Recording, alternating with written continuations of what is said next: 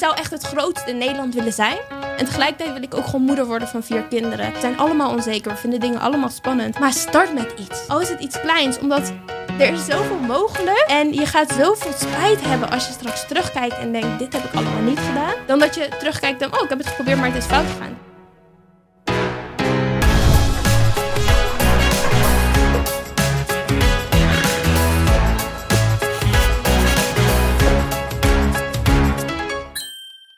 Diede, van harte welkom bij Young Ones. Dankjewel. Ik Wat vind le- het heel leuk. Ja, nee, zeker. Ik ook. Ik heb er ontzettend veel zin in. Ik weet dat je altijd high energy bent. Dat ben ik ook. Dus dat, eh, dat komt helemaal goed. Ja. En weet je wat ik zo tof vind als ik naar jou kijk? En dat doe ik nu denk ik een aantal jaren. Ik ben jou volgens mij op YouTube ooit op het spoor Oh, gekomen. Dus dat is grappig. een long time ago. Ja. Vorig jaar hebben wij eh, samen een hele korte periode op Clubhouse gehad. Wat waarschijnlijk niemand meer kent. Nee. En op Instagram ben je altijd volgens mij gewoon fully dedicated en bijna altijd aanwezig. En dan zie ik gewoon een persoon en een ondernemer die altijd haar eigen pad lijkt te bewandelen. En eh, waar dat ik op internet en online heel erg veel kan vinden over jouw visie op fitness, voeding en gezondheid, kon ik veel minder vinden over eh, de ondernemer Diede en ook over de persoon Diede. Je deelt natuurlijk wel veel persoonlijke dingen. Maar ik wilde dat vandaag eens een beetje gaan ontrafelen van oké, hoe is jouw ondernemersavontuur nu tot stand gekomen en eh, ja, hoe heb je het allemaal aangepakt om te komen waar je nu bent? Ja, leuk. En een van de dingen waar ik sowieso heel erg jaloers op ben, is dat je een Gymshark athlete bent. Ja. Dus dat, eh, dat wil ik ook nog even gaan uitpluizen vandaag. Maar goed, daar komen we allemaal bij. En het eerste wat ik je wil vragen is wat in het afgelopen jaar jouw grootste uitdaging is geweest. En dat mag als ondernemer zijn, maar dat kan ook in je persoonlijke leven zijn. Ja, het is grappig dat ik er niet eens over na hoef te denken. Dat je dat soort dingen gelijk weet. Ja, ik ben dus begonnen met reizen in... Ik ben getrouwd eind november. Ja, En we hadden gelijk daarna besloten van we willen gaan reizen. Mijn man werkt ook eh locatieonafhankelijk. Ehm, dus we hadden gelijk besloten, oké, we willen gaan reizen. En ik ben heel erg gewend van COVID, vaste structuur. ehm, in Nederland zijn, altijd mijn eigen ding kunnen doen. En toen ging ik reizen. En dat is echt een, een lichtknop die aan en uit is gegaan. Het was een hele andere wereld waar ik ineens in terecht kom. En dat is iets waar ik momenteel, dat is gewoon nog steeds mijn grootste uitdaging. Hoe kan ik mijn missie, mijn visie doorzetten? Hoe kan ik doen? Ik heb een hele grote hart voor ondernemen en voor no-nonsense. Voor mijn bedrijf, maar ook voor social media. ja, Tegelijkertijd ook voor het reizen, moeder willen zijn. Eigenlijk niks op social media wi- willen doen. En ik heb ergens nog de overtuiging dat ik het niet allebei kan doen. Terwijl het kan eigenlijk ook wel weer. Dus je merkt nu al de uitdaging eigenlijk die ik heb. Het is een constante struggle die ik heb van... Wat is wat ik eigenlijk het liefste wil? Is dat in Nederland zijn, mijn eigen studio hebben, Ja. een, een zieke... Ik zou echt het grootste in Nederland willen zijn. En tegelijkertijd wil ik ook gewoon moeder worden van vier kinderen... die lekker haar kindjes naar school brengt. Ja. Die in het buitenland.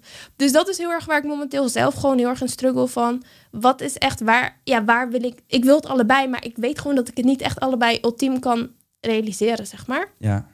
Dus daar ben ik heel erg zoekende in. En, en wat is die missie van jou dan op ondernemersvlak? Wat, wat probeer jij te bewerkstelligen wat er nog te weinig is voor jouw gevoel?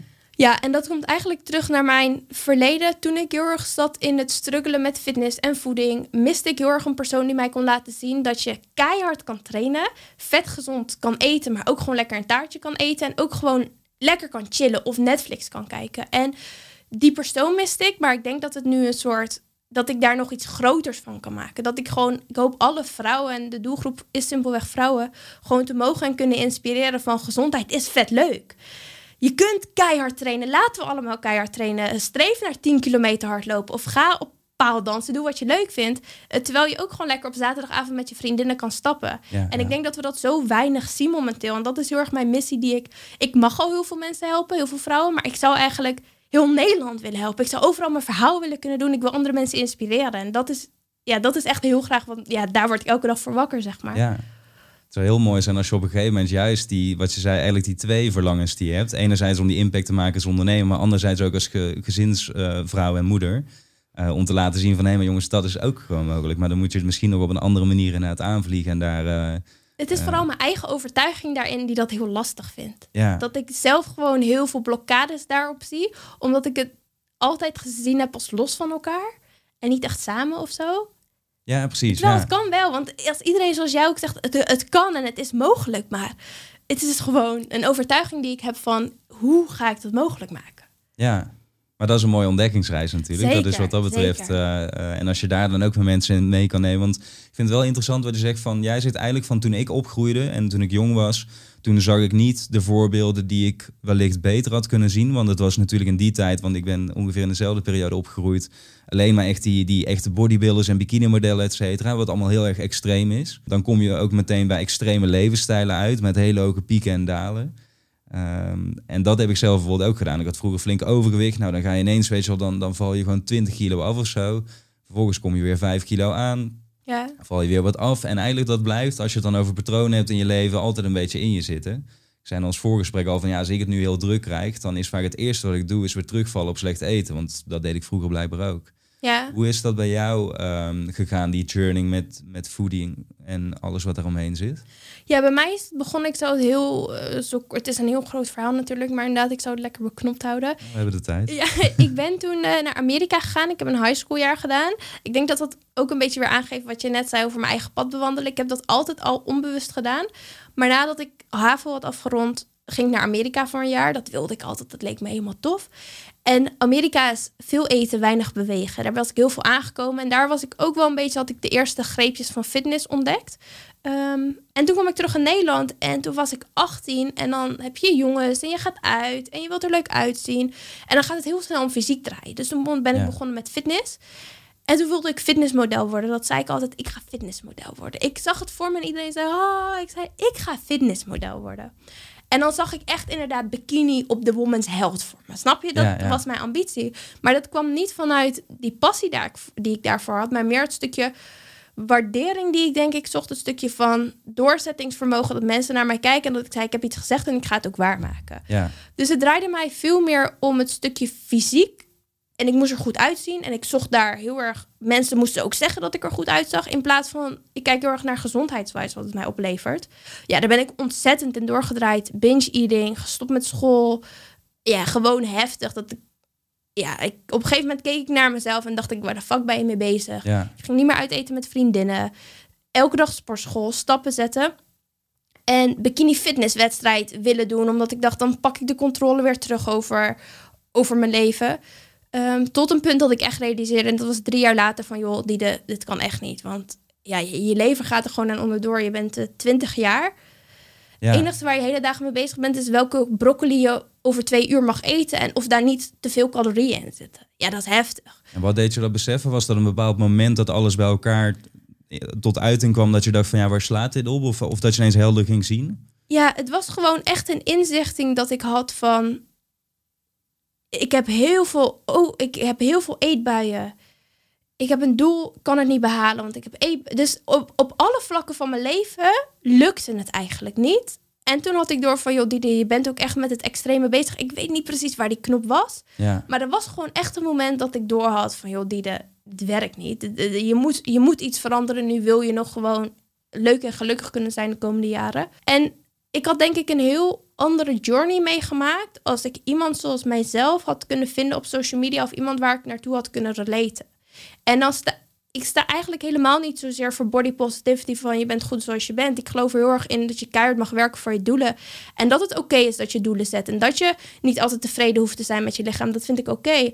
Maar niet op een mate dat je overmatig moet trainen of moet eten. Of dat alles moet draaien om fysiek. Want ik heb echt zelf wel gemerkt, dat maakt niet gelukkig. En ik zie het bij, ik heb cliënten gecoacht dat het niemand gelukkig maakt. Ja. Ehm, en dus dat is heel erg wat ik. Ik ben het helemaal niet eens meer de vraag die je vroeg. Maar zo is een beetje mijn journey gegaan. En toen kwam het punt. En heb ik over dat proces heb ik ongeveer.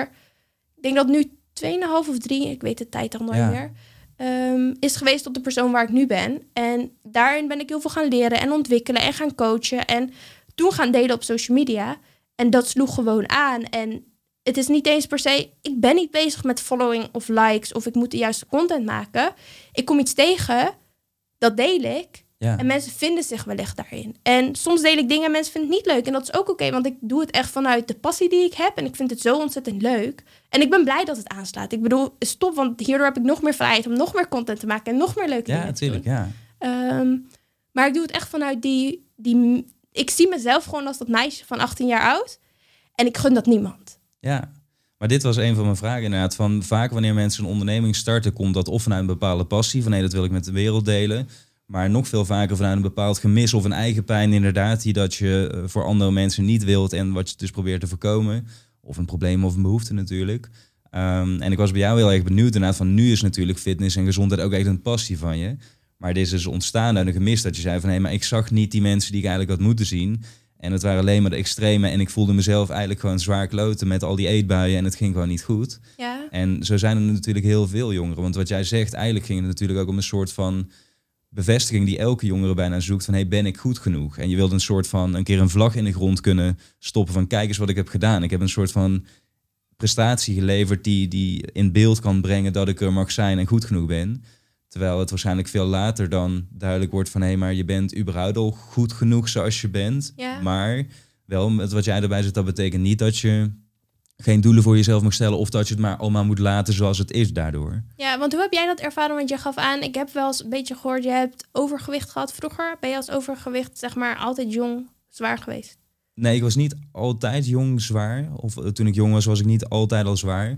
Maar wel vrij snel. En dat kwam vooral gewoon door eh, slechte eetgewoonten en emotie eten. Ja. Uh, en dat doe ik tot op de dag vandaag nog steeds. Als ik het dus heel druk heb, dan ga ik gewoon, weet je wel, bestel ik even een Mackie of zo. En dan kun je daar even in uh, verliezen. Natuurlijk lang niet meer op dat niveau zoals toen. Want ik weet nu ook dat ik het doe en dat het soms ook gewoon mag. Maar dat ik het dus niet elke week of elke dag moet gaan doen. Ja. Uh, maar dat overgewicht heeft natuurlijk wel een hele um, grote impact op je leven. Omdat je al dus jong en onzeker bent.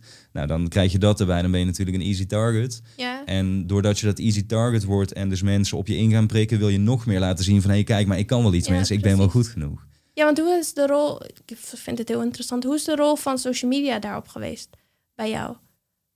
Ja, op, op dat moment nog, nog vrij beperkt. Omdat Ja. toen ik uh, rond die leeftijd, toen was ik 12 of 13. Oh ja, dan was het nog niet Toen had je inderdaad nog geen socials. Nee. Um, maar het was voor mij, vooral toen ik helemaal naar de middelbare school ging, dat ik een soort prestatiedrang kreeg.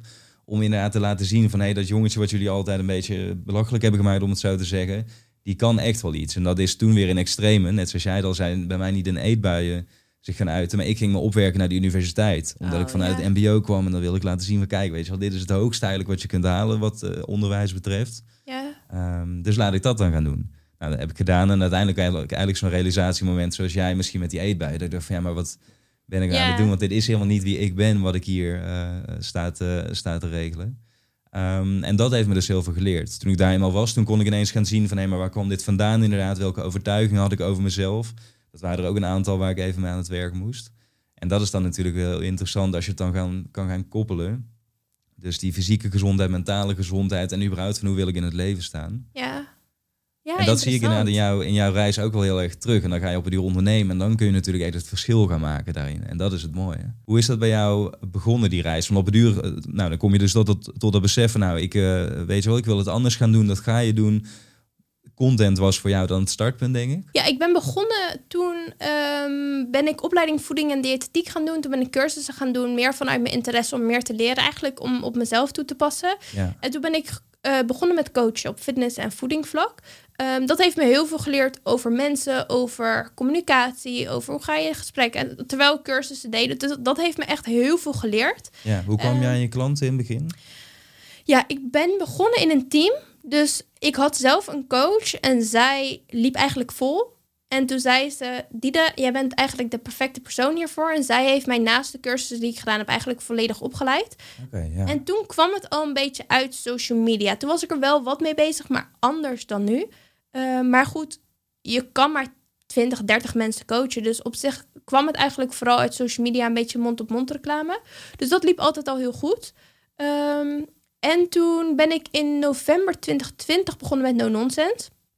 Toen was ik al bezig met social media. Ik denk daarvoor heb ik een shift gemaakt. Ik weet nog, ik weet nog precies dit moment. Ik kan er zo op terugkijken. Het was COVID. Ik zat op mijn telefoon TikTok te kijken. Hele Ja. dag TikTok, TikTok.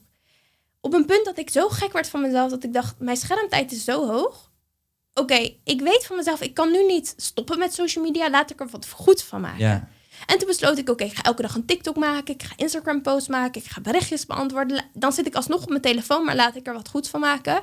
En dat is nooit gestopt. Dat is eigenlijk nog steeds Ja. wat ik doe. Maar even voor mij, want dat is dus was 2020 dat je daarmee bent Ja, begonnen dan. ja. En, en hoeveel, eh, eh, niet dat het inderdaad om volgers gaat, maar even om het in perspectief te laten. hoe- Hoeveel had je er toen COVID begon dan op Instagram? Bijvoorbeeld nu zit je rond de 76.000 of zo volgens Ja, mij. Maar Ik denk tien of elf. Oh wauw, dat meen je. Dat is wist ik helemaal niet. Ik dacht Ja. dat jij al gewoon dus, zolang ik, ik me kan herinneren, bijvoorbeeld zes jaar al bezig bent en dat het gewoon gradually zeg maar is opgebouwd overal. Nee, ik heb gevlogd op YouTube. Ja. Maar dat was echt puur hobby. Ik vond foto's maken, ik vond social media heel leuk. Ik ben nooit echt iemand geweest die heel veel vrienden had of behoefte aan had. Maar ik vond social media altijd leuk. Ik vond foto's maken altijd leuk. Ik vond captions schrijven altijd leuk. Ehm, maar echt content delen, echt ja, iets voor november 2020. Ik denk een beetje een half jaar daarvoor. Dus inderdaad, het is een goede twee jaar nu dat ik daar eigenlijk pas mee bezig ben. Kijk, Dus ja. dat is eigenlijk heel kort inderdaad wat je zegt. ja. En toen is november 2020 is No Nonsense gestart. Ook vanuit vroeger. Iedereen zei altijd tegen mij, Diede gaat iets anders doen. Diede gaat niet juffrouw worden en 9 tot 5. Wisten ze al. Maar wat ik ging doen, ik wist het zelf eigenlijk ook niet. Maar dat heeft me ook altijd bijgestaan. Diede gaat iets anders doen. En toen ben ik No Nonsense gestart. Eigenlijk van een, een, een moment dat ik zelf me heel kut voelde. Want het was november, een beetje koud, je weet hoe het gaat. ja. En toen gooide ik op, Instagram van, joh, ik ervaar me dit zo. En toen zeiden meiden, ja, ik ook. Toen dacht ik, oké, wat kunnen we hier eens aan doen? Hoe kunnen we zorgen dat we er allemaal een leuke maand van kunnen maken? Ja. Toen heb ik op Canva zo'n guideje gemaakt met dagelijkse vragen. Helemaal zelf in een paar dagen. En toen dacht ik, nou weet je, die ga ik gewoon online zetten. Toen had ik gevraagd, zou ik het als een boekje doen? Dus ik had heel social media ermee betrokken. Want voor mijn gevoel deden we het echt samen. ja. En toen wilde ik dat eigenlijk gratis online zetten. En toen zei iemand binnen mijn team van... joh, Diede, dat kan je eigenlijk niet doen. Dus had ik er 5 euro voor gevraagd. En het was best vaak gedownload. En zoveel positieve leuke reacties. Toen dacht ik, nou, we doen het in december weer. En nu zijn we 15, 16 maanden verder. En het is nog steeds gaande, maar ja, steeds meer gaan uitbreiden tot echt een bedrijf. ja. Uh, maar dat is ook van. En ik voel nog steeds dat we het samen doen. Ik wil nog steeds heel vaak vragen van hoe gaat het? En waar hebben jullie behoefte aan? En ik vind het heel leuk ook om het samen te doen. Um, dus het is eigenlijk een beetje ook weer vanuit mijn eigen frustratie ontstaan. Ja, wat naar, goed naar wat het nu is. Want dat is wel heel interessant inderdaad. Want deze podcast gaat eh, grosso modo zeg maar, over persoonlijke ontwikkeling en ondernemerschap. Dus vragen zijn ook heel vaak van mensen die willen gaan ondernemen of die zijn al begonnen, maar die komen nog niet helemaal uit van oké, hoe krijg je dan bijvoorbeeld je eerste klanten? Nou, dat zei je net al. Maar vervolgens ook van ja, maar hoe ontwikkel ik dan een product of een dienst? En jij vertelt eigenlijk net heel um, duidelijk een verhaal over hoe dat je zei van nou, social media begon te groeien. Daar zag ik gewoon eigenlijk een behoefte, die voelde ik zelf ook. En dat ben ik gaan combineren samen met mijn volgers om daar een product uit te laten ontstaan. Um, en ook om dat natuurlijk voor iedereen zo goed mogelijk aan te laten sluiten op wat ze willen. Dat weet je natuurlijk zelf niet allemaal alleen. Nee. Als je het niet had gedaan. Nee. Nee, ik geloof echt heel erg in de kracht van social media. Um, en tegenwoordig hoor ik echt vaak van... ja, maar ik heb weinig likes of mijn engagement is laag. Ja, de hele app is fucking gratis. Snap je? Wat, wat verwacht je? Het is een gratis app. We kunnen doen wat we willen. Ja. Het is een hele mooie app om inderdaad engagement op te bouwen... of met mensen in contact te komen. En we verwachten altijd dat we 100, 200, 300.000 volgers moeten hebben. Maar ik heb meiden gesproken die 3.000, 4.000 volgers hadden... En daar al 200 producten konden verkopen. Omdat het gaat denk ik niet om hoeveel volgers je hebt of hoeveel likes je hebt. Maar meer om, heb je echt een passie voor wat je doet? Deel je dat met mensen en ben je daar super consistent in? Ja. Dan heb je iets, snap je? Dus dan gaat het niet eens om hoeveel geld je maakt. Maar dan kun je van je passie maak er een boekje van. Of uh, misschien zegt iedereen, joh, wat een leuke drinkbeker heb je. Dan denk je, joh, misschien ga ik wat met die drinkbekers doen. Dus... Ja het gaat niet om hoeveel volgers of wat dan ook. Het gaat er meer om, heb je een passie, deel het op social media en wees daar consistent in. En ik geloof erin dat iedereen daar iets uit kan halen. En hoe belangrijk is het dan, denk jij, om wel een bepaalde, dus een, een duidelijke boodschap te communiceren? Dat mensen weten van, hé, hey, dit hebben ze aan je. Want als ik naar jouw content kijk, daarom zei ik ook van, nou, over fitness, voeding en gezondheid. Daar kan ik alles over vinden, wat jij daarvan denkt. En met wie je het geholpen weet, zo van A tot Z. Ja. Um, dus het is wel heel duidelijk steeds dat inderdaad wat je doet. Heb je dat heel bewust gedaan? Of is dat omdat dat gewoon al toch jouw hele dag bestaat eruit en je deelt letterlijk wat er hier in je kopje zit? Eigenlijk wel. Ja. Eigenlijk eh, momenteel minder. Momenteel ben ik heel aan het ondernemen. Daarom vind ik deze podcast eigenlijk ook heel leuk. Want op een gegeven moment moet je ondernemen. En dat is eigenlijk best lastig dan. Want het is een passie die je hebt voor fitness. En dan ineens moet je gaan nadenken over wat is de volgende stap in je bedrijf. Wat Ja. moet je doen. Um, maar eigenlijk als ik naar mijn dag kijk is het fitness, wat ik eet beetje persoonlijke ontwikkeling. En dat deel ik ook gewoon. Ja. Um, en ik deel wel... Kijk, ik vind informatie delen heel leuk. Omdat ik denk dat ik daar mensen echt mee kan helpen. Dus als ik kijk naar posts die ik deel... is het heel vaak informatief. En niet van... oh, ik zit met mijn koffietje te drinken. Nee, dan gaat het over, oké, vroeger vond ik het lastig om een koffietje te drinken. Dus het zit altijd een groter verhaal bij. Ja. Maar op stories ben ik wel altijd gewoon, ik ben bij Sander, ik ga deze podcast doen. Of ik zit in de auto, omdat dat vind ik heel leuk. Maar dat is niet iets blijvends. Dat is gewoon een beetje entertainment. Kijk, ja. Ja. En wat dat betreft snap je ook dan heel goed. En voor mensen die nu luisteren van wat is het, de functie van bijvoorbeeld stories? Wat, wat kun je daar het beste mee? Waarom is dat ooit verzonnen? En wat is de functie inderdaad van bijvoorbeeld posts op Instagram? Omdat wanneer je dat op, weet je wel wat jij in je stories doet of wat ik in mijn stories doe, wanneer je dat gewoon in posts zou gaan gooien de hele tijd, ja, dan is het natuurlijk zo all over the place voor mensen. Ja. Dat ze niet helemaal weten vaak van ja, maar wat kan ik nou verwachten van deze persoon of van dit account of wat je dan ook zelf wilt eh, beginnen. Want ik weet dat er heel veel mensen luisteren die iets zelf met content willen doen. Ja. En het is natuurlijk ook heel spannend ja. om dat zelf te gaan delen, om je eigen visie en je kwetsbaarheid op te stellen, want dat doe je natuurlijk elke keer. Ja, het is super spannend. Maar ik denk altijd, het komt weer terug. Ik heb dit een keer in een boek gelezen en dat ging over... oké, je bent heel onzeker ergens over. En dat ging over een meisje die was onzeker over haar neus. Er waren twee meiden. Heel, je denkt nu, waar gaat het over hebben? Maar zij was onzeker over de neus. En die andere meid ook. En ze hadden allebei een hele grote ambitie om te gaan acteren. Ja, En over tien jaar kijk je terug en zie je die andere meid met diezelfde lelijke neus, zoals je het zelf zegt, terug op tv. En zij heeft award van de beste actrice. En dan kijk je op terug en denk je, shit, dat had ik kunnen zijn als ik gewoon gedaan had wat ik had, had willen doen. Ondanks de onzekerheden die ik heb. Want we zijn allemaal onzeker, we vinden dingen allemaal spannend. Maar start met iets. ja. Al is het iets kleins, omdat er is zoveel mogelijk. En je gaat zoveel spijt hebben als je straks terugkijkt en denkt, dit heb ik allemaal niet gedaan. Dan dat je terugkijkt en, oh, ik heb het geprobeerd, maar het is fout gegaan. Dat is veel minder dan dat je terugkijkt en je hebt het niet gedaan. Zeker, ja. En dit is ook wat jij zegt van die, die onzekerheden en ook gewoon het maken van fouten, wat je dan ook fouten noemt, maar is natuurlijk allemaal gewoon inherent aan het hele proces. Ja, En vaak de mensen waar je naar opkijkt, of waar mensen naar opkijken, die zijn daar doorheen gegaan. En daarom vind je hun verhaal ook inspirerend natuurlijk. Of vind je tof wat ze doen, of voel je daar iets bij. ja, En dat vind ik bij jou ook heel krachtig. De manier waarop je heel authentiek gewoon bent en dingen deelt. Het is niet een, ehm, een karaktertje of zo wat je speelt, snap je? Want dat is iets wat je Ja. aan en uit kunt zetten. Maar dit is gewoon die en daarmee moet je het doen. En dat is natuurlijk het meest kwetsbare ook om op die manier jezelf online te zetten. Maar ik denk ook wel onderdeel van waarom het zo goed gaat, toch? ja, ik denk het. Dat is dus een vraag die ik vaak krijg. Wat is dan je geheim of zo? Ik weet niet. Ik doe gewoon wat ik leuk vind. En Ja. ik ben er heel consistent in. Kijk, don't get me wrong. Kijk naar wat ik doe. Ik ben super consistent. Ik mis geen dagen. Ik beantwoord alle vragen. Ik ben er... Mijn schermtijd op Instagram, ik weet niet eens hoeveel het is. Maar het is hoog. Ja, Dus het is niet dat het, dat het zomaar gebeurt. Kijk, ik doe heel erg mijn best. Maar het is niet dat ik het probeer te maken. Het is gewoon, het gebeurt. En dat vind ik heel, ben ik super dankbaar voor. En ik bedank altijd iedereen die deelt of liked. En dat vind ik ook heel belangrijk. Want zonder hun was het nooit zo gekomen. Ehm, maar ik denk gewoon een passie ergens voor hebben. Als je die hebt, deel content en start. En je ziet wel waar het uitkomt. Bij mij is het zo gekomen, bij jou gebeurt het misschien anders. Zeker, ja. En wat jij zegt vind ik een hele belangrijke. Want ik zeg altijd van social media moet echt social zijn. En daarmee bedoel ik dat bijvoorbeeld deze podcast of een post of een story is voor mij altijd een, een manier om het gesprek te openen en om met mensen in contact te komen. Eigenlijk, ik zeg altijd van je steekt je hand uit en het is aan de ander of dat hij hem aanneemt. Ja, Maar als je dan niet reageert, dan denk ik altijd, en dat zie ik bij best wel veel mensen gebeuren. Dan denk ik van ja, maar waarom ben je hier dan? Want dan is het een soort eenzijdig zenden. En hoe moet die ander zich dan voelen als jij de hele tijd weet wat doet, alsof je er weet wel voor de people bent. En dan vragen de people je iets of zo en dan, dan is het gewoon... eh, zeker ben ik het helemaal mee eens. Dat zie je echt vaak. Heel Ja. mooi hoe, hoe, je dat, eh, hoe je dat verwoordt. Nou, ik had gisteren bijvoorbeeld, je, je kunt met mij een soort adviesgesprek eh, boeken op mijn website. Ik help natuurlijk ondernemers, onder andere met groei op socials. En dat was heel mooi. Ik, het was om vijf uur, ik weet nog goed. En er kwam iemand in, in dat adviesgesprek, is gewoon een videocall. Maar het scherm deed het eerst niet bij diegene. Dus een hoop technisch gedoe. Maar in ieder geval op het duur kwam die er wel, bleek een jongen van 15 te zijn.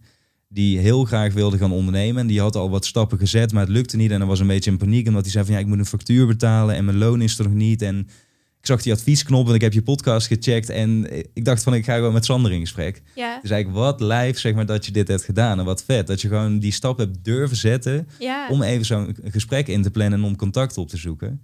Want heel veel Nice. mensen die veel ouder zijn, die durven dat niet. eens. Die zeggen van nee, ja, dat, dat- weet je wel, super eng om in zo'n zo'n call te gaan. ja. En hij deed het gewoon. Dus ik van ja, weet je wel, ik vind dit eigenlijk het vetste wat ik deze week gewoon heb meegemaakt. Omdat je niet bang bent dus om naar buiten te, te stappen, fouten te maken en mensen om hulp te vragen. En dat zijn echt belangrijke skills, denk ik, als ondernemer om te hebben. Ik kan me voorstellen dat als ik dat zou hebben, dat ik daar heel veel energie van kan krijgen. Dat het zo tof is. Ik voel helemaal de vibe dat, hij dan, dat je dan zo kan helpen en kan ondersteunen wellicht. En gewoon, ja, zeker. super En je ziet je jongeren zelf terug. En dan Ja. denk je van, hé, hey, hoe, hoe was ik in die situatie? We hadden het er net natuurlijk al over hoe dat wij ook weer waren toen we een jaar of tien jonger waren. Het zijn natuurlijk compleet, ook in de kern misschien wel dezelfde personen, maar je, je hebt ook duidelijk wat dingen snap je anders wel. gedaan. Ja, super tof inderdaad. Ja. Wat zijn de uitdagingen eh, waar jij het net al over had, waar je nu als ondernemer mee bezig bent? Waar, waar ben jij, weet je wel, wat speelt er nu in je hoofd? Of wat zijn andere gedachten en misschien twijfels en overwegingen die je nu hebt, die je twee jaar geleden dus nog niet had? Ja, ik ben heel erg zoekende nog met No Nonsense. Eh, no Nonsense is echt uit de grond gekomen. Ehm, en het was er ineens. En ik heb nooit de ambitie, of de ambitie, ik heb wel de ambitie gehad, maar ik heb nooit de intentie gehad om het. Het is echt groot. En ik denk dat mensen niet beseffen hoe het vanaf mijn kant, hoe groot het is, met hoeveel zaken we bezig zijn. Want Ja. heel vaak krijg ik dan de vraag: Diede, wat doe je eigenlijk voor werk? Ja. En dan denk ik, je moest dus weten, snap je? Ik ben hele dagen bezig met van alles en nog wat. En Leg het me eens uit dan. Hoe, hoe ziet dat een beetje nu op dit moment eruit? Een, een week of hoe ziet no, no nonsense eruit? Ja, dus we hebben eigenlijk, ik heb een team nu, eh, allemaal ZZP'ers. Eh, ik heb marketing uitbesteed. Eh, ik heb iemand die teksten nakijkt. Ik heb drie stagiaires, waarvan één eigenlijk een beetje mijn linkerhand is geworden. Dus die doet heel veel voor me met socials en die helpt me eigenlijk met alles wat nodig is. Ja. Eh, heb ik iemand die eigenlijk virtual assistant dingen doet, dus denk aan mail of, want ja, op een gegeven moment redde ik dat niet meer. Administratie, dat soort dingen heb ik gelijk uitbesteed. Ik geloof er echt in, als je iets echt niet leuk vindt, moet je het gelijk Ja, ja. uitbesteden. Dus ik heb een team die heel veel dingen voor me oppakt. Maar ja, dus ik ben eigenlijk constant bezig met nieuwe ideeën. Oké, wat is het volgende dat we kunnen doen? Sowieso, social media is een heel groot leef, dag van mijn leven. Heel groot, doe ik heel veel mee. Ja. Dus dat is sowieso ben ik bezig met content maken, berichtjes beantwoorden. Zeker twee, drie uur per dag. Omdat ik geloof dat dat no nonsense ook weer laat groeien. En dat laat mij als. Ik geloof erin dat dat nodig is. Ja. Mailtjes beantwoorden, meetings. Ehm, ik, ik hoop nu aan de slag te gaan met een business coach. Want inderdaad, wat jij zelf heel erg zegt. Ik ben heel jong. En het is zo ineens gekomen. En ik sta hier. En ik sta nu eigenlijk op een punt dat ik denk: wat is er eigenlijk allemaal gebeurd? Dus ik ben een beetje overzicht nog aan het zoeken van: oké, ik heb iets heel moois in handen. Hoe kan ik dat nog mooier maken? En hoe kan ik dat ook heel duurzaam maken? Ik wil echt gewoon het grootste van Nederland worden, eigenlijk. Ja. Eh, zonder dat ik mijn eigen passie daarin verlies. Want dat is hetgene waar ik dus. Dat is een uitdaging voor mij. Op een gegeven moment ga je meer ondernemen. Je hebt mailtjes, je hebt meetings. Je moet zoveel dingen doen. Zeker, ja. Dat je eigenlijk niet eens meer bezig bent met je passie. En dat hoop ik, dat wil ik gewoon niet kwijtraken. Omdat als ik die passie kwijtraak, dan ga ik mijn bedrijf kwijtraken. Omdat dan is het niet meer dat ik opsta en ik heb een passie om iets te doen. Dus ja, ik ben hele dagen, elke dag met andere dingen bezig. Allemaal leuke dingen, don't get me wrong. En, ehm, maar ik ben nog heel erg zoekende in, oké, hoe ga ik het dan vormgeven in wat ik voor ogen heb? En het is allemaal super spannend en super eng. Want er is niet een boekje dat schrijft. Dit is wat er gaat gebeuren als je ondernemer bent. Ja. Dit zijn de stappen die je. Nee, het is. Je weet eigenlijk, je weet het soms gewoon niet. En dan kies je gewoon of groen of geel. En dan kies ik geel en dan, dan moet ik daar maar mee dealen. ja. Ehm, en dat is ondernemen. En dat is het allerleuke eigenlijk daaraan, vind ik zelf ook. Zeker weten. Ik denk juist, en, en dat is wat je zegt, van dat leer je eh, zeker niet op school, maar dat zie je ook vaak niet in je omgeving. Net zoals jij die voorbeelden niet zo in de fitnessindustrie, zag ik ook die voorbeelden niet op het gebied van ondernemen. En daarom ook deze podcast onder andere. Omdat er heel veel skills zijn die je wel moet hebben om goed te kunnen ondernemen, die je niet hoeft te hebben om goed in loondienst ergens te kunnen werken. Ja. En wat jij nu al zegt bijvoorbeeld inderdaad, ik denk dat heel veel mensen zich echt niet realiseren als je content maakt, dat dat echt iets is waar je mee opstaat en bijna mee naar bed gaat. En dat je daar ook heel voorzichtig voor jezelf moet zijn van ja, waar ligt mijn grens daarin? Niet alleen in wat ik laat zien, maar ook van bijvoorbeeld stel iemand reageert op jou en diegene stelt één keer een vraag terug en twee keer en drie keer, snap je? Wanneer zeg je van nee, maar nu stopt het hier, want ik heb ook nog andere dingen te doen. Ja. Het is best wel moeilijk natuurlijk, want in het begin begin je gewoon, je bent super enthousiast en je doet alles. Maar op een gegeven moment komt er een omslagpunt inderdaad. En ik denk dat het ook iets wat jij nu omschrijft, dan wil je echt in plaats van een keer een product verzinnen, uitproberen, echt een merk gaan bouwen. En je wilt ook jezelf beschermen om er inderdaad aan ten onder te gaan dat het allemaal zoveel is. Dus je wilt dat ook duurzaam maken. En hoe doe je dat? En dat is natuurlijk een heel... eh, Heb je een antwoord voor me? Kan je me vertellen hoe ik het ga doen? Nou ja, ik, ik denk dus dat het antwoord in die zin voor iedereen anders is in Ja. detail. Maar in de basis is het natuurlijk inderdaad wel wat je nu al heel goed aan het doen bent. Van je bent al veel werk aan het uitbesteden. Ja. Eh, ik zeg altijd van wat er vaak gebeurt binnen ondernemingen is dat het geld vaak achterloopt op de ontwikkelingen. En daarmee bedoel ik dat je in het begin eigenlijk telkens alle groei zelf aan het opvangen bent. Dus in de avonduren zit je inderdaad nog berichtjes te beantwoorden of zo. tot je structureel genoeg inkomsten genereert om tegen iemand te kunnen zeggen van hé, hey, ga jij dat onderdeel doen? Ja. Ehm, en bij jezelf is dat natuurlijk ook zo van ja, wanneer zeg je nee tegen iets en, en wanneer wel? Dat heeft ook met een bepaalde zelfzekerheid natuurlijk te maken. Ehm, en zo zijn er allerlei skills waarvan ik denk van die moet je gewoon hebben of gaan ontwikkelen om op een gegeven moment te kunnen zeggen van hé, hey, ondernemen is en heel erg leuk, maar het is ook heel erg zwaar. Het is een soort leven als een topsporter, dus ik moet ook heel goed voor mezelf en de mensen om me heen zorgen. Ik denk dat het ook de uitdaging is. Je ziet nu overal, ik weet niet hoe jij dat ervaart, ik denk dat jij er dan nog meer in zit dan ik. Iedereen gaat ineens ondernemer. Iedereen wil ineens zelfstandig worden of zijn eigen bedrijf starten. vind ik super goed. Hè? Ik geloof erin. Maar ik denk dat mensen onderschatten hoe moeilijk en zwaar het ook kan zijn. En dat het niet. Een loonbaan kan ook heel relaxed zijn, snap je? En het is ook goed als je daar gelukkig in bent. En mensen denken dat ook moet ook meer gaan doen. Als jij goed zit op je loonbaan en je kunt lekker op vakantie en het gaat eigenlijk super goed met je dan mag je daar ook heel dankbaar voor zijn. En dat is ook oké. En dan hoef je misschien niet meer te doen. Ja. Eh, terwijl nu lijkt het alsof ondernemen is het en iedereen moet dat doen. Het is, ik kan me voorstellen dat dat niet voor iedereen is. Ik zou niet anders meer willen, daar niet van. Maar ehm, ik denk dat mensen vergeten, er zitten heel veel pluspunten aan, maar er zitten ook heel veel zware dingen aan. En dat is met loondienst natuurlijk hetzelfde, welke situatie je ook zit. Maar ik denk dat we daar wel weinig over hebben. Ja, nou, het is eigenlijk de, dezelfde uh, visie die dat jij uh, etaleert. Soms gebruik ik allemaal van die moeilijke woorden, maar dat is nog een beetje vanuit mijn unie uh, ja. um, maar dan kan ik het andere woord niet verzinnen. Maar dezelfde visie die je binnen fitness hebt, vertel je hier nu eigenlijk ook over inderdaad je, je carrière of je professionele leven. Van ondernemen was vroeger helemaal niet zoiets cools om te doen. Dat was, weet je wel, dat werd niet heel erg hoog op de ladder gezet. En dat is de laatste jaren natuurlijk heel erg veranderd. Van het is super cool om te gaan grinden en dan s ochtends om vier uur op te staan en eh, nooit meer te gaan slapen. Maar dat is eigenlijk heel precies hetzelfde als wat er in die fitnessindustrie gebeurde. Uh, dat ze ook zeggen, ja, gewoon vier uur in de gym en neem gewoon pre-work en dan kan je nog een uur door. Allemaal heel extreem. Terwijl ik inderdaad denk, en ik hoop dat dat, ik merk wel dat het omslagpunt ook nu een beetje aan het komen is. Net zoals in de fitnessindustrie op een gegeven moment dat mensen zeggen van, hé, ten eerste voor een werkgever werken is ook helemaal top. Want je kunt inderdaad ook voor iemand anders nog steeds heel ondernemend zijn in die organisatie. Ten tweede, inderdaad, ondernemen kost gewoon ontzettend veel tijd. Zeker in het begin, maar eigenlijk altijd. Ehm, dat hoeft inderdaad niet in elke vorm zo te zijn. Voordat mensen dat gaan nuanceren van ja, maar bij mij, ik werk maar tien uur per week. Ja, dat kan inderdaad. Maar meestal als je echt een merk wilt opbouwen, is gewoon fucking hard werken in het begin. Ja.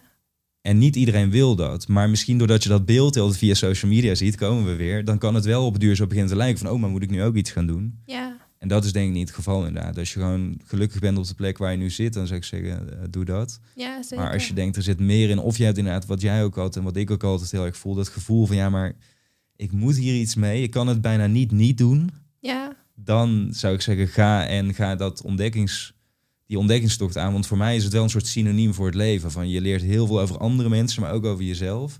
En ik zou inderdaad niet meer anders willen, omdat ik echt het gevoel heb van als ik dit niet zou doen, dan wil ik niet zeggen dat het leven minder zin heeft, maar dit is wel echt waarvoor ik bijna gemaakt ben, heb ik het idee of zo. Ja. ja, maar dan merk je bij ons allebei dat het vanuit een heel groot stukje passie wordt. En ik denk dat we tegenwoordig heel veel zien dat het om geld gaat. Van oké, ik moet ondernemen, want heb ik meer financiële vrijheid. En ik denk als dat je motivatie is, dat het heel lastig kan worden. Zeker. Uh, en waar dat vanuit ons allebei, denk ik, echt gaat vanuit een passie voor doen wat we doen. Um, inderdaad, ik heb ook, als ik dit niet zou doen, ik heb wel eens met mijn man over. Omdat inderdaad, ik had het dus ook over, ik wil moeder zijn en ik wil niet met, ik wil gewoon lekker moeder zijn thuis. Ja. Maar ik weet niet of ik het helemaal kan, snap je? Ik zou ook tegen hem, oké, maar dan ben ik straks moeder. Ik kan, ik, ik, wat ik doe is zo leuk. Ik kan het ook niet, niet doen, snap je? Ja. Dus dat is wat we allebei, denk ik, die passie gewoon ervaren voor. Het is gewoon de zin van ons leven misschien om, om dit te doen.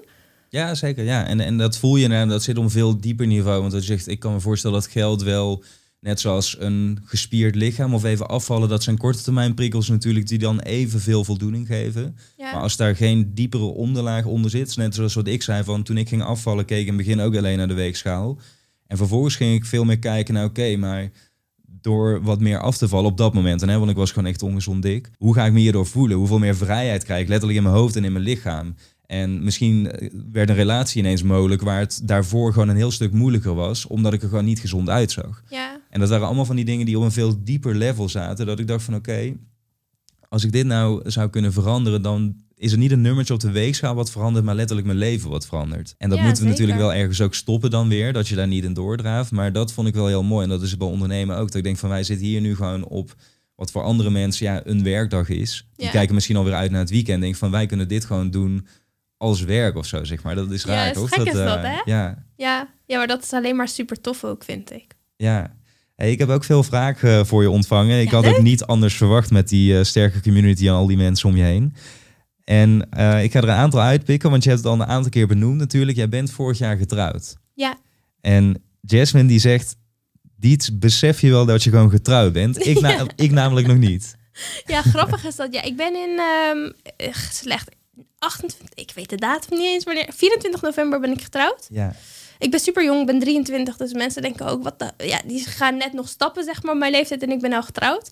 Eh, maar het is voor mij super waardevol. Ik geloof erin dat als je eenmaal de persoon gevonden hebt, ik ben nooit van uitgaan, überhaupt geweest. Dus ik denk dat hij mij heel erg support en steunt in wat ik doe en mij alleen maar aansterkt, eh, dan dat ik mis op andere vlakken van mijn leven. ja. Maar ik besef het niet. Het is ook elke keer zeg ik mijn vriend, oh nee, mijn man. En, eh, maar het Ja. is super leuk. Het is alleen maar, alleen maar leuke dingen.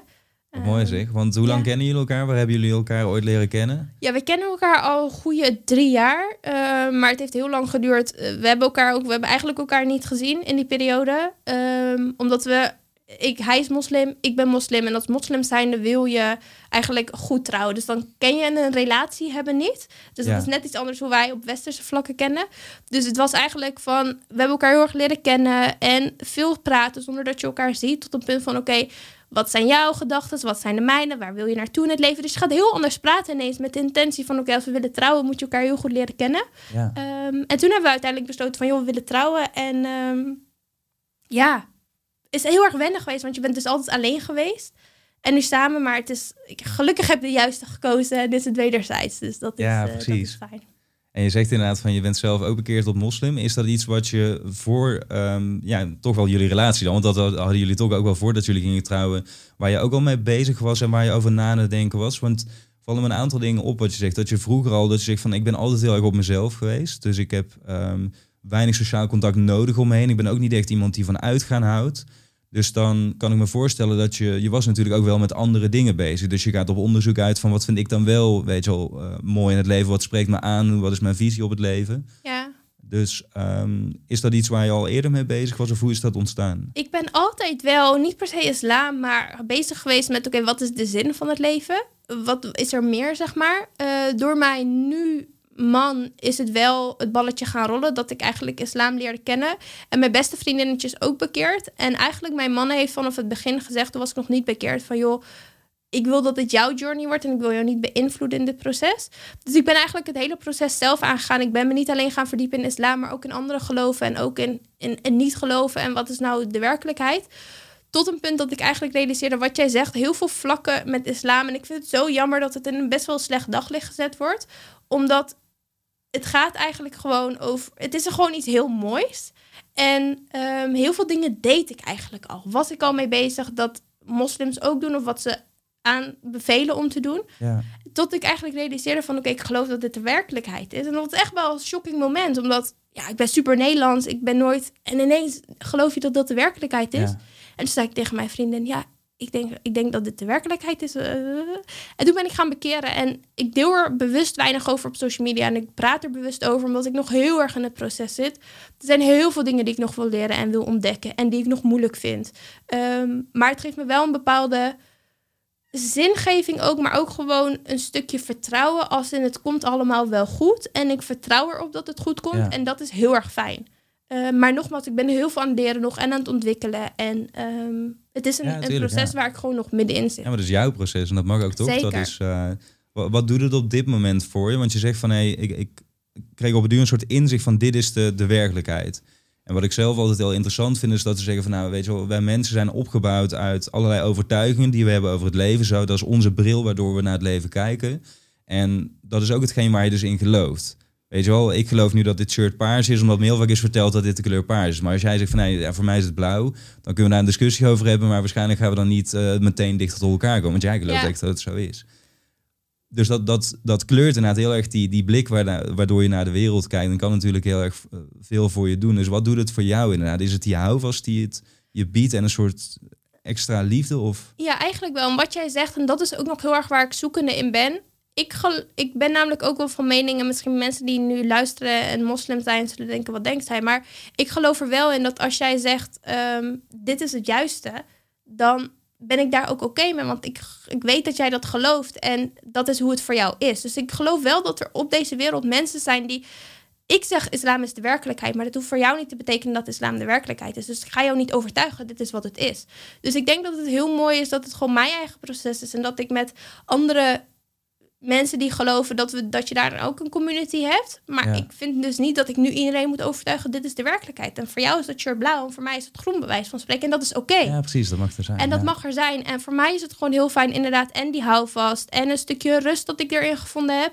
Ja, dat is eigenlijk wat het voor mij gedaan heeft. En ik vind normen en waarden in de islam echt heel mooi. Als je kijkt naar man-vrouw relaties, omgaan met familie. Ik ben nooit echt een familievrouw geweest. Maar ik respecteer mijn ouders steeds meer sinds ik geloof. En ik ben steeds vriendelijker voor mensen. Omdat islam echt aanprijst van joh, lach, help. Ehm, en dat zijn alle moslims eigenlijk. Terwijl als we op tv kijken, wordt het allemaal alsof we de hele stad gaan bombarderen. Terwijl dat is het niet. Ja, en ja. ehm, dat heeft het voor mij gewoon heel erg gedaan. Dat is dus ook weer vaak hoe die overtuigingen tot stand komen. Hè? Van als jij continu via, in dit geval de media, een bepaald beeld zien krijgt. In dit geval dus over inderdaad moslims of mensen die eh, eh, zich bekeren tot de islam of wat dan ook.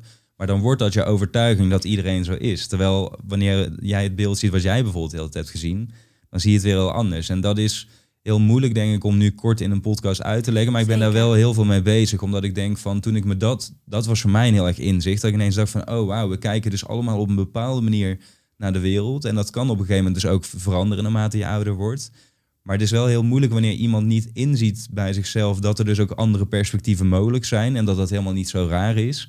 Ja, dan is het moeilijk om een gesprek te voeren natuurlijk. Want dan kom je nooit nader tot elkaar. En dan is er ook geen connectie mogelijk. Ja, maar ik denk wat wij heel erg hebben, en dat vind ik dus ook heel mooi wat je aangeeft. Wij zien dus, we hebben allemaal andere overtuigingen en we hebben allemaal andere waarheden. En we zijn ons daar bewust van. Maar ik denk dat er heel veel mensen zijn die zich daar niet bewust van zijn. Dus denken, dit is de waarheid en Ja. niet anders. En dan inderdaad kun je er eigenlijk niks mee. Want ik vind het oké dat jij een andere mening hebt. En eh, daar kunnen we over praten of niet. Maar ik blijf altijd respectvol tegen jou. Maar als mensen denken, dit is de waarheid. En jij denkt anders, hebben ze het respect verloren. Omdat ze het niet bewust Ja. zijn van dat er meerdere waarheden eigenlijk zijn. En meerdere overtuigingen. Heb jij vervelende reacties hierop gehad vanuit je omgeving? Of mensen die het niet begrepen dus bijvoorbeeld? Nee, het is wel altijd nog een dingetje. Ga je dan hoofddoek dragen? Of pas op dat je niet ehm, eh, naar Saoedi-Arabië moet verhuizen en dat soort dingen. Maar dat is gewoon ook eh, wat, we op socia- wat we zien. Snap je? Alle verhalen die je hoort over bekeerlingen... is dat ze inderdaad met hoofddoek met kinderen naar Saoedi-Arabië zijn gegaan... en nooit zijn teruggekomen. Dat is oprecht wat je ziet.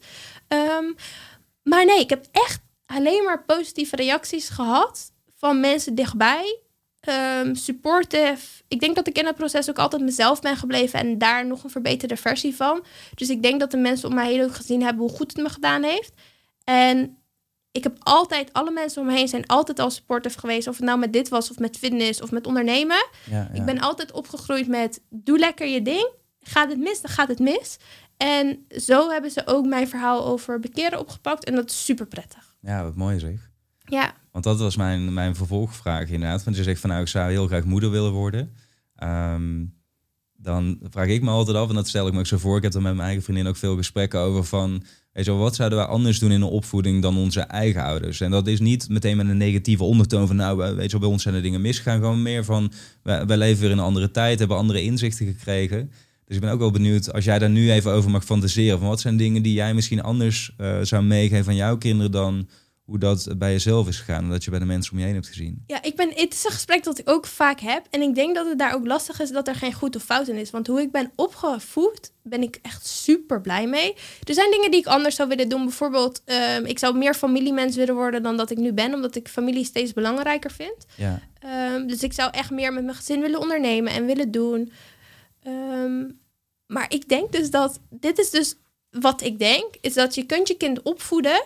Maar ik vraag me af, ik denk dat het, ik vraag me af wat daar het effect van gaat zijn. Want het kan net op school verkeerde vrienden tegenkomen of dat. En dus je kunt opvoeden wat je doet, maar ik denk dat als een ander kind opgevoed was zoals ik, dat ze het de hele verkeerde kant had op kunnen gaan, bij wijze van spreken. ja, ja. Ehm, Dus ik weet niet, man. Ik hoop gewoon dat ik mijn kinderen kan meegeven dat het leven leuk is, dat gezondheid belangrijk is, ehm, dat familie belangrijk is. En dat ze gewoon, ik hoop mijn kinderen echt op te leren voeden dat ze fouten mogen maken. En ook het stukje ondernemen van ga maar eens kijken, doe maar eens een keer en eh, zoek het zelf maar een keer uit. Ja. Terwijl ik een, een zeiltje in het oog hou, of, eh, wat de uitspraak ook mag zijn.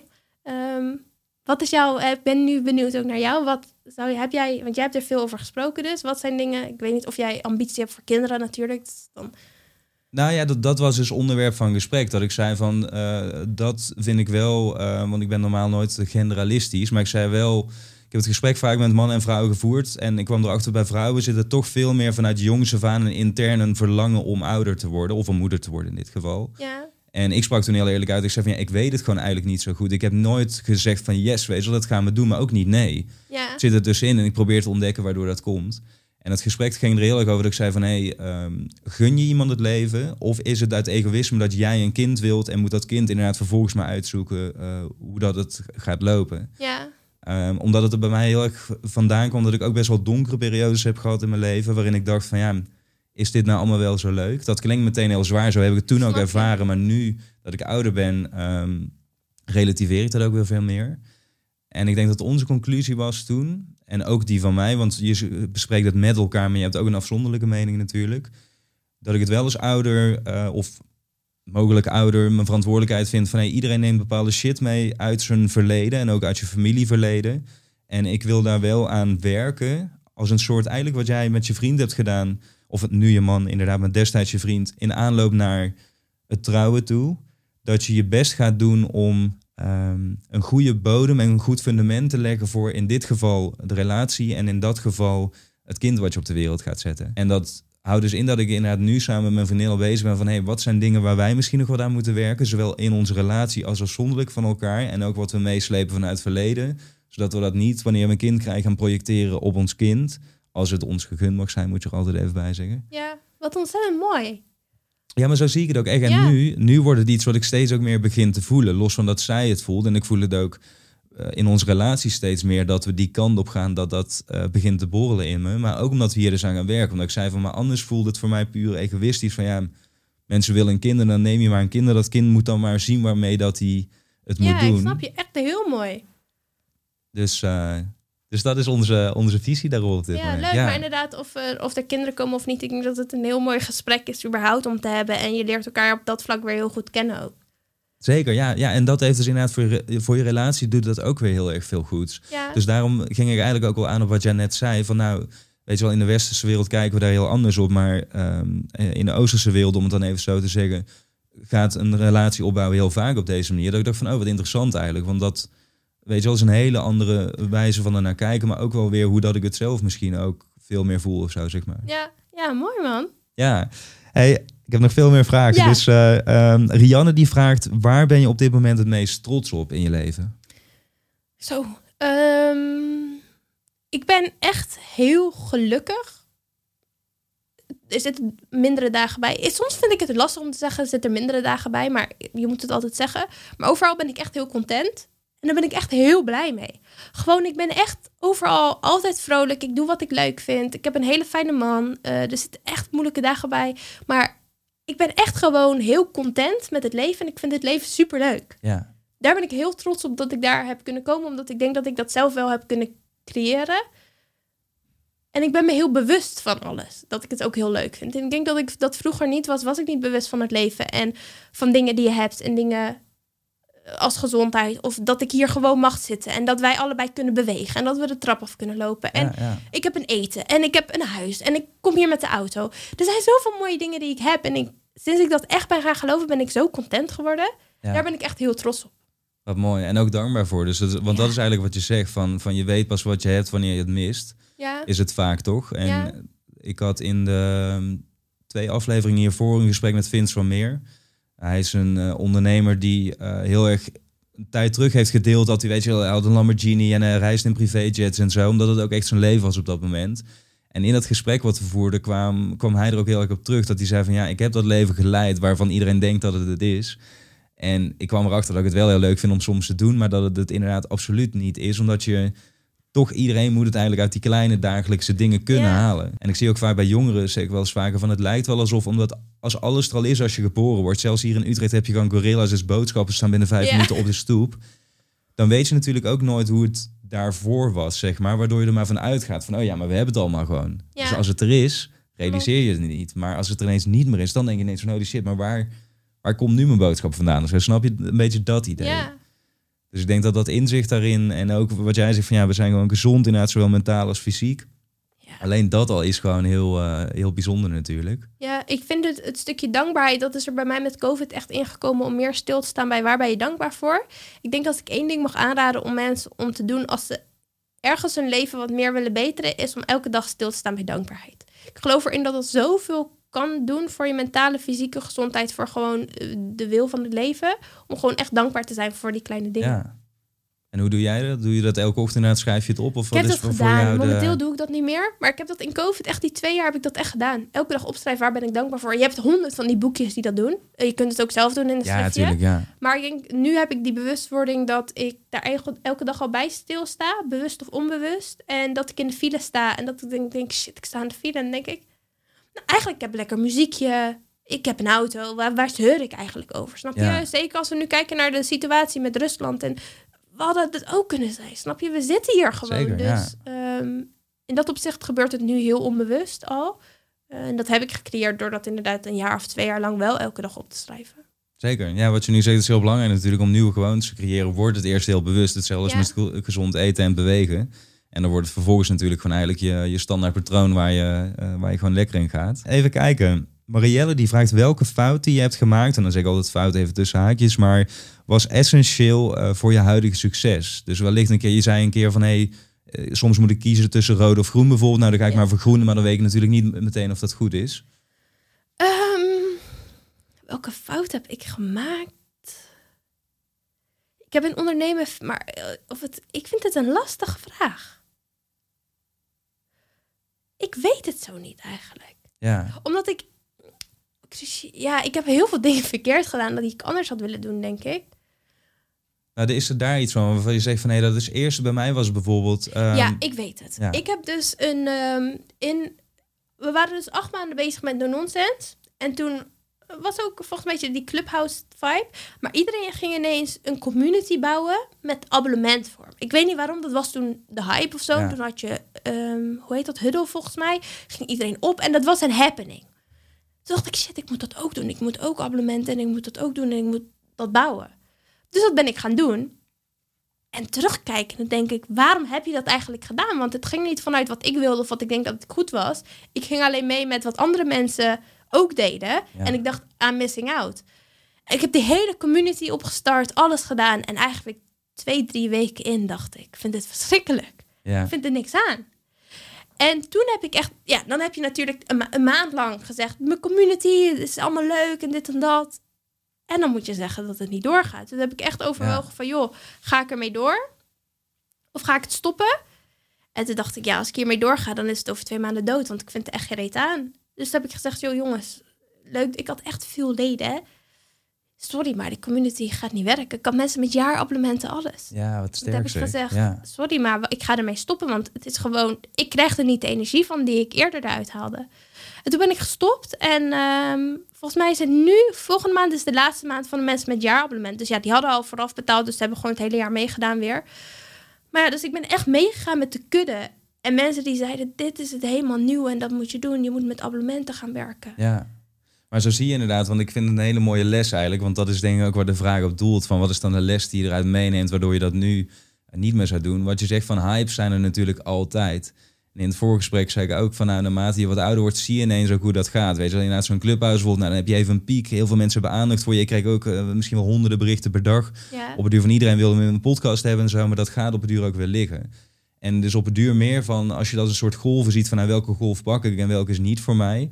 Nou, soms pak je even de, de verkeerde of in ieder geval die niet voor jou is. Nou, dat is ook fijn natuurlijk. ja. Uh, maar ik denk wel inderdaad dat er op een gegeven moment als ondernemer zijn, en dat ziet meer op wat je zei van om het duurzaam te maken, een bepaalde structuur moet komen. Dat je ook weet van hé, maar waarvoor sta ik? Waarvoor staan wij als no nonsense? En op basis waarvan inderdaad maken we ook keuzes. Dus wat is ons, ons referentiekader om die keuzes te maken? Als ondernemer zijn, dan kun je natuurlijk, er zijn nu misschien wel 10.000 ideeën te verzinnen over waar allemaal kansen liggen. Maar het is ook vaak de vraag van ja, maar welke kans pak ik zeg maar en voor wie wil ik er zijn? Ja, Want aan al die kansen hangt natuurlijk een doelgroep verbonden. Want het gaat altijd om mensen uiteindelijk. Of om, eh, als je iets eh, dieren wilt hebben, maar ook daar Ja. zijn er mensen aan eh, verbonden. Dan denk ik van ja, maar welk probleem trek jij je aan? En voor wie wil jij er zijn? En wat is inderdaad, wat is de community waar jij eh, voor de lange termijn waar je enthousiast van wordt? En dan ja kan echt je je dit hart volgen. doen. Daarin denk ik echt ook zelf besluiten wat voor jou en je bedrijf het beste is. En waar jij het meeste energie uit haalt. Ja, En dat heb ik echt geleerd dat ik dat moet doen. En wat er ook gebeurt nu, welke hype er ook komt. Kijk, ik kan het overwegen en ik kan kijken wat de voordelen zijn. Maar ik ga niet ergens instappen als ik er niet echt 100% in geloof. ja, want wat heeft het voor je gedaan toen je er weer mee stopte? Wat, wat voel je dan, zeg maar? Ja, ik denk als ik er niet mee gestopt was, dat No Nonsense klaar was. Ja, Dus toen ik het gewoon weer normaal ging doen, toen hebben we een, een boek uitgebracht. Nu komt dus het tweede boek. Ehm, eh, we hebben meer leden gehad dan ever in de maand. Dus er is alleen maar positiviteit en goede dingen uitgekomen. Maar vooral omdat ik weer de energie ervoor had en ik het weer helemaal fantastisch vond. Ja, precies. Dat vind ik ook een hele belangrijke. Van als je weet wanneer je ergens mee moet stoppen. En dan, dan zie je er waarschijnlijk, of in ieder geval veel mensen vaak tegenop van, oh ja, maar moet ik dat wel doen? Of een moeilijk gesprek of zo. Maar als je het dan hebt gedaan, dan geeft het vaak weer zoveel rust en, en nieuwe energie. Ja, Dat het echt helemaal eh, de moeite waard is om dat te doen. ja, Ik ga nog even door wat andere vragen heen. Ik wil ook mensen zeggen, dit is voor het eerst dat ik dat ook in de podcast even benoem. Maar als je vragen wilt insturen, dan kan dat via mijn Instagram. Het is gewoon simpel, Timmermans. En ik maak dus altijd voorafgaande aan een opname bekend wie mijn nieuwe gast zal zijn. En dan kun je die vragen insturen. Dus als je nu denkt van ja, waar haalt die man dit allemaal vandaan en hoe kan ik daarbij zijn? Dan is dit eh, de manier om dat te doen. Linkje staat in de beschrijving, zowel op YouTube als op eh, Spotify. En dan zou ik zeggen, pak je kans. Want ik ben heel erg benieuwd wat jij zou vragen als dat jij voor mijn gasten zou zitten en de mogelijkheid hebt om dat te doen. Ja, ik heb een vraag van ene Sander T. Geen idee wie dat is. ben je het zelf? En hij denkt en hij vraagt... Jij bent natuurlijk Gymshark athlete geworden. ja, wil ik je ook? denk, nou, ik denk als er één merk is en één eh, movement, één bedrijf, hoe je het wilt noemen, wat mij echt al vanaf dat ik 16 ben of zo, of in ieder geval ook gedurende die hele fitness journey heeft geïnspireerd en ook als ondernemer, dan is het Gymshark wel. Ja, Ehm, nu ook weer, weet je wel, die ontwikkelingen die ze doormaken, ik vind het heel erg tof. En ik lees vooral voornamelijk dat er altijd internationaal gezien mensen aan hun verbonden zijn. Maar ik was inderdaad heel erg benieuwd van, wat is jouw journey erin? Weet je wel, kwam het gewoon op je pad? Of hoe... eh, ja grappig. Ehm, ik ben inderdaad, ik moet je eerlijk zeggen, ze zijn wel steeds meer aan het groeien, ook met wat kleinere influencers. En dan ben ik denk ik in Nederland niet eens meer klein, maar relatief gezien met wat Gymshark atleten zijn best wel. Ja, ja. Ehm, maar het is grappig, want ik heb eerst nee gezegd tegen ze. En daar had ik zoveel spijt van. ja. Ik kreeg toen een berichtje, een mailtje van... hey, Diede, er is iets, wil je eraan meedoen? Op dat moment voelde ik de hele fit met Gymshark niet helemaal. Ik weet niet, ik, ik voelde gewoon me niet helemaal verbonden. En toen zei ik, nou, nou, dit en dat. En toen dacht ik, oh, wat heb ik gedaan? Oh, ik voelde me zo stom gelijk. Oh, wat heb ik gedaan? En toen een paar maanden later stuurde ze weer een berichtje van... hey, eh, dit en dat. En toen dacht ik, oké, ik ga gewoon eventjes in gesprek. En toen heb ik eerst eigenlijk gewoon als ambassadeur voor ze gewerkt. Puur omdat ik ook zei van, joh, ik weet niet helemaal hoe de fit is met jullie. Omdat ik Gymshark heel erg meer vond van meisjes met een sport BH die dan in de gym staan. Ja, en die ja. vibe voelde ik niet helemaal met mezelf. Omdat ik draag in de gym ook gewoon oversized. En als moslim zijn, dan moet ik, wil ik dat ook steeds meer gaan doen. Ehm, dus ik voelde die vibe niet helemaal. En toen eh, was ik wel ambassadeur geworden. Omdat ik dat ook eerlijk aangaf. Van, joh, ik wil wel eens kijken of we daar wat in kunnen doen. En Gymshark is echt het beste bedrijf waar ik ooit heb meegewerkt. Eh, omdat ze zijn heel flexibel, heel erg meedenkend, super supportive. Geef maar geel en ze, ze willen het laten Ja. gebeuren. En toen heb ik dat een paar maanden gedaan. En toen kwam ze juli of zo vorig jaar van... joh, wil je atleet worden? Ik heb gelijk ja gezegd. Ik zei ja, de. En want toen voelde ik, toen ik merkte dat ik heel erg mijn eigen ding mocht doen. En als ik ook tegen haar zei van joh, leuk dat deze sport-BH's live gaan. Maar zo sta ik niet in de sportschool. Ik kan grote shirts dragen en wat dan ook. Ja, ja. Zijn ze gelijk daarmee. Wat moet je hebben? Wat vind je leuk? Doe vooral wat je zelf heel graag wil. Ehm, ja, nu ben ik atleet. Superleuk. Ik denk niet dat ik een typische Gymshark atleet ben. Omdat ik gewoon heel erg mijn eigen ding wil blijven doen. En dat zeg ik ook Ja. altijd. Van ik wil gewoon mijn gym vibes overbrengen. En ik train graag, maar ik ben niet een model die in de sportschool staat. En dat zou ik nooit zijn.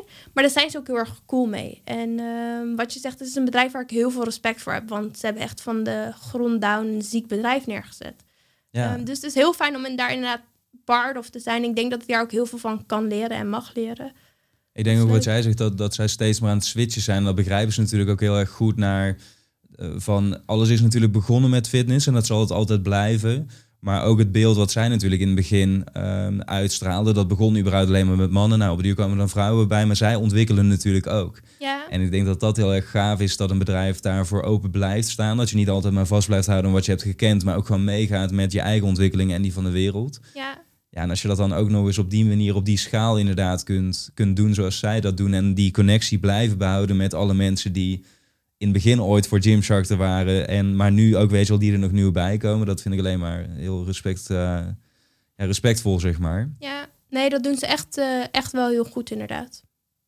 En dan even nog voor mij, voor die standaard thema. Wat, wat, wat zijn een beetje de criteria om daar binnen te komen? Is het vooral van je moet gewoon je eigen stijl hebben? Of weet jij waarom ze bij jou terecht zijn gekomen? Het gaat enigszins wel over following en engagement, denk ik. Het is logisch als zo'n bedrijf zijn, dus ze gaan niet iemand sponsoren, denk ik, die geen engagement heeft. Ehm, maar ik denk engagement en eigen stijl enigszins daarin hebben.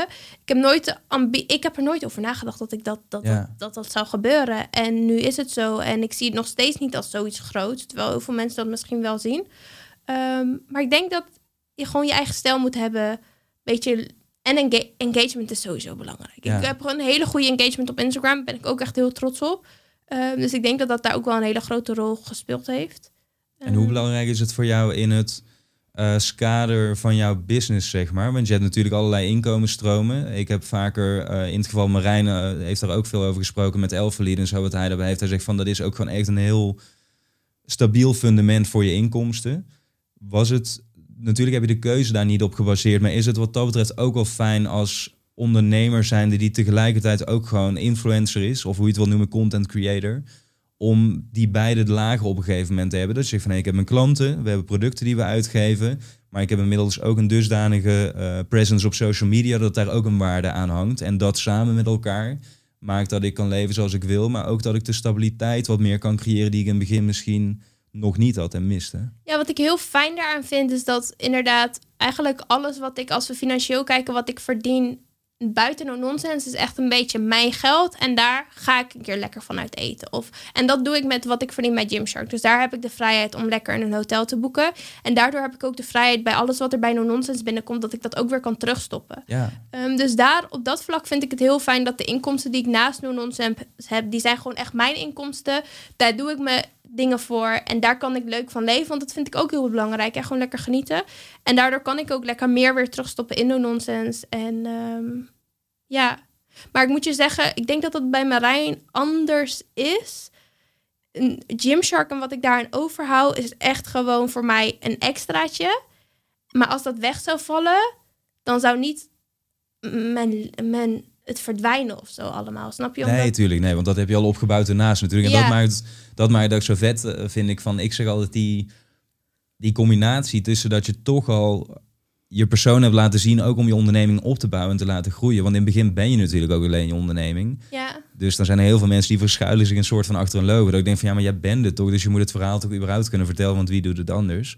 Maar het is heel mooi, vind ik, dat als je op het duur daar zo lang mee bezig bent en dus ook zoveel mensen aanspreekt en inspireert en ook dingen uitlegt, dat het ineens een heel mooi pakket lijkt te worden van dingen die je, net zoals fitness, toch? Je kunt het niet kopen. Je moet er heel hard voor werken. Je moet het echt, wat jij zegt, ook die engagement. Ja, dat komt omdat jij de hele tijd elke dag die berichten beantwoordt. ja, Dus als je het dan helemaal hebt, dan vind ik het wel een mooie. Want jij zegt van ja, ik weet niet of ik ooit naar heb gestreefd, maar het is toch wel een soort mooie strik, zeg maar van hé, maar. zeker. Het is gewoon inderdaad, je werkt hard en dit is dan... Het is gewoon, voor mij was het meer niet per se dat Gymshark mij benaderde, maar meer dat ik zag van oké, wat ik doe is paying off op deze manier nu. En dat is, dat is heel fijn en dat, dat kunnen andere bedrijven ook zijn. Maar ja, Gymshark, daar kun je eigenlijk geen nee tegen zeggen. Ja, ja. Ehm, dus ja, nee, dat klopt. Het is gewoon even weer die van, oh ja, je bent goed bezig. Het gaat de goede kant op. En ehm, ja, het is een heel leuk bedrijf om mee samen te werken. Ja, zeker. Hey, als je dan even vooruit kijkt naar de komende vijf jaar, hè, want je bent nu inderdaad eigenlijk op wereldreis. Je bent nu even twee weken hier in Nederland, dus daar uh, pluk ik nu uh, de vruchten van. Ik ben eigenlijk speciaal gekomen voor deze podcast. Speciaal voor deze podcast. nou, dat hoorde ik je bij mensen heel ook zeggen. Shit, ja, daar ga ik. ik heb mijn research gedaan. Nee, grapje.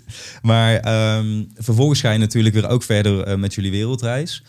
Hoe zie je de komende vijf jaar alles wat je doet ontwikkelen? Want je zei al van ja, ik struggle daar ook heel erg mee. Van ik wil en reizen, maar ik wil ook en die, uh, weet je wel, nonsens verder uitbouwen. Maar ik wil ook moeder worden.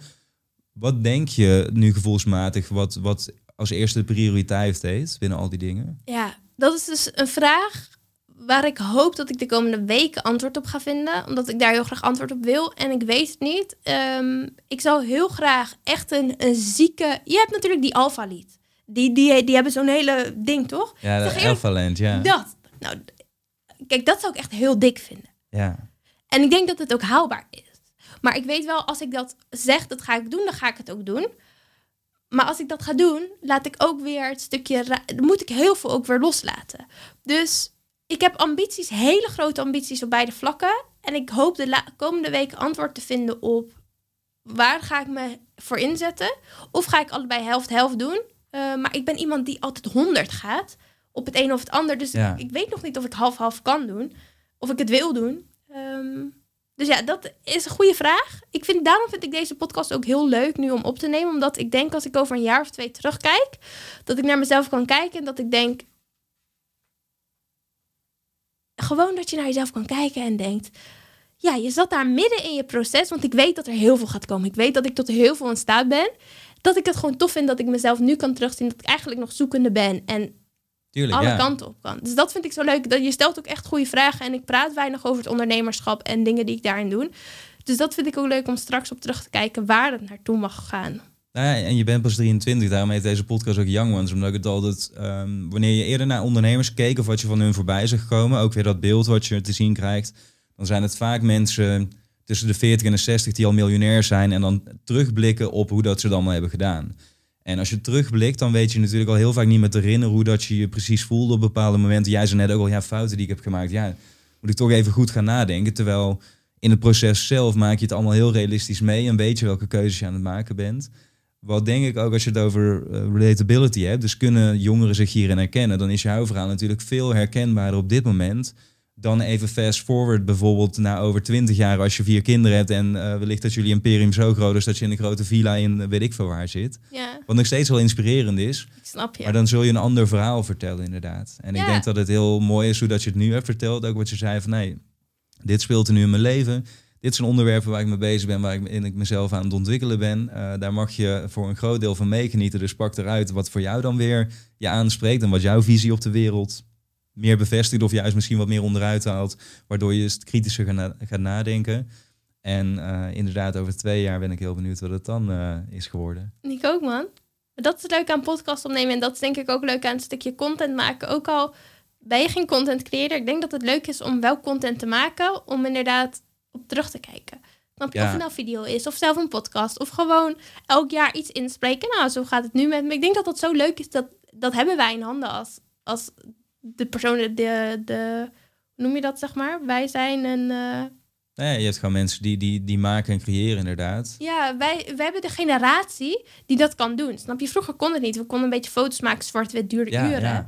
Ehm, ja, we hebben de tools inderdaad om dit te doen, ja, zeker. dus ik denk, ondanks of je geen podcast wil starten of wel, ik denk dat het heel leuk is om gewoon te creëren, om later op terug te kunnen kijken van, joh, dit heb ik allemaal meegemaakt. Ja, en om je dus ook bewust te worden van hoe je denkt, wat je doet, eh, waar je in kunt verbeteren. Mensen vragen mij bijvoorbeeld heel vaak van, hey, praat je altijd al zo makkelijk? Of ehm, bijvoorbeeld met dingen opschrijven, toch? Of uitspreken. Als je echt uitspreekt hier in die mic van wat jij ook zegt, van ik wil echt impact maken. Ik wil nog meer mensen bereiken. En het liefste bijvoorbeeld, mijn doel is, ik heb net, eh, ik zit nu over de duizend abonnees op YouTube. Ik heb gezegd, eind dit jaar zijn dat er 10.000. Ik ben al anderhalf jaar onderweg. Ik werk me echt de benen onder mijn reet vandaan om dit helemaal op poten te zetten. Dus ik wil gewoon dat dat gaat lukken. Ja, En als je dat uitspreekt, hetzelfde als met een fitness challenge, wat ik toen deed, fit op 1 januari. Ik postte gewoon een foto van mijn lichaam wat er niet uitzag zoals ik dat wilde op social media. Ik denk, dan heb je een duidelijk beginpunt. Kun je met me meereizen in die journey en je ziet wel of ik aan het einde mijn eh, beloftes nakom, zeg maar. Maar dan wordt het voor jezelf ook weer zo schrijven of uitspreken heeft een soort van kracht, waardoor het realiteit wordt in plaats van alleen maar in je hoofd blijft rondzweven. Want dan is het nog heel ja, hoe noem je dat, ongedwongen toch? Als jij nu meer iets... dromen is het dan, dan dat je aan het werken bent. En ik ben het helemaal mee eens. En eh, Instagram is daar voor mij ook een grote factor geweest, net als zoals jou. Ik denk dat ik... Soms heb ik geen zin om te trainen. Het is heel anders. En dan, wat ik dan doe, is dan post ik op Instagram op mijn story. Want dat is voor mij Ja, piece of ja. cake. Zeg ik, ik heb echt geen zin om te trainen. Maar ik ga zo. En dan heb ik dat gepost. En dan is geen, geen of zin, zin of geen zin. Ik ga gewoon. Ja, Want ik heb het. Mensen kijken, snap je? Dus ik denk, oké, dan ga ik, dan ga ik. Dan is het. Dus zo is het voor mij voor uitspreken van dingen ook. Als ik iets ga doen, dan zeg ik het, dan ga ik tegen iedereen vertellen. En dan weet ik van mezelf, nu ga ik het waarmaken ook. Dan dat ik zelf zit van, oh, ik wil dat wat doen, maar hoe, wat? Nee, ik zeg gewoon, dit is wat gaat gebeuren. precies dat. en ik, ja. laat het, ik ga het jullie laten zien. Eigenlijk is het wel, wel mooi hoe je dat zegt. Als je de social media gebruikt eh, op zo'n moment dan om jezelf accountable te houden. Omdat je eigenlijk weet van ja, maar als ik op, weet je wel, mijn eigen gedachten zou vertrouwen. Dan zou ik waarschijnlijk denken van nee, blijf maar liggen. Weet je wel, vandaag hoeft niet. Of in ieder geval, je gaat jezelf voor de gek houden dan op zo'n moment. En dat Ja. betekent niet natuurlijk dat je nooit rust mag nemen. Want dat is natuurlijk weer het compleet tegenovergestelde. Maar je moet soms een beetje weten inderdaad van hoe werk ik vanuit de basis. En hoe kan ik dat een beetje omzeilen om ervoor te zorgen dat ik wel bereik wat ik heb gezegd te willen gaan doen. Ja, Want anders dan word je inderdaad iemand, dat zei in het begin volgens mij, die dan over tien jaar terugkrijgt. En de een die staat dan hier en die heeft alles gedaan wat hij zei dat hij wilde gaan doen. Waarschijnlijk met heel veel leermomenten en fouten. Maar ja, de ander staat nog steeds daar te kijken om zich heen van ja, maar ja weet je wel, wat, ga ik doen inderdaad. Dus eh, ik wil je bedanken, Diede. Ja, ik vond het echt heel leuk. Ja, ik ook. Ik vind het heel erg grappig, omdat ik al zei van... Ik kan me echt nog herinneren, volgens mij een jaar of zes of zo geleden. Dus toen keek ik ook naar Marijn, eh, in Nederland natuurlijk fitness-YouTuber. En ik ben jou toen ook een aantal keer tegengekomen. Op duur we uit het oog verloren. Toen hebben we elkaar vorig jaar met dat clubhuis, weet ik weer, van dat jij ineens opdook. En dat ik een aantal weken terug ook dacht van... Oh, ik ben echt zo benieuwd gewoon wat is het pad wat zij heeft bewandeld die afgelopen jaren. Ja, En dat, eh, dat weten we nu weer voor een heel erg groot deel meer. Ik ben blij dat mensen nu ook het ondernemersverhaal van jou kunnen, kunnen bekijken of beluisteren. ja. En ik wil je heel veel succes wensen met No Nonsense. eh, met jullie wereldreis heel veel plezier wensen vooral. Ja. En heel veel liefde en geluk. Dankjewel. Oh, twee seconden voordat je weer doorgaat met je dag. Vanaf nu maak ik dus elke week op mijn Instagram bekend wie dat mijn gast zal zijn. En geef ik jou de mogelijkheid om vragen in te sturen. Op die manier krijg jij dus direct toegang tot de gasten van de podcast. Volg me op Sander Timmermans en dan ben jij als eerste op de hoogte wie dat er gaat komen. En maak je dus ook de meeste kans dat jouw vraag gesteld gaat worden. Tot de volgende keer.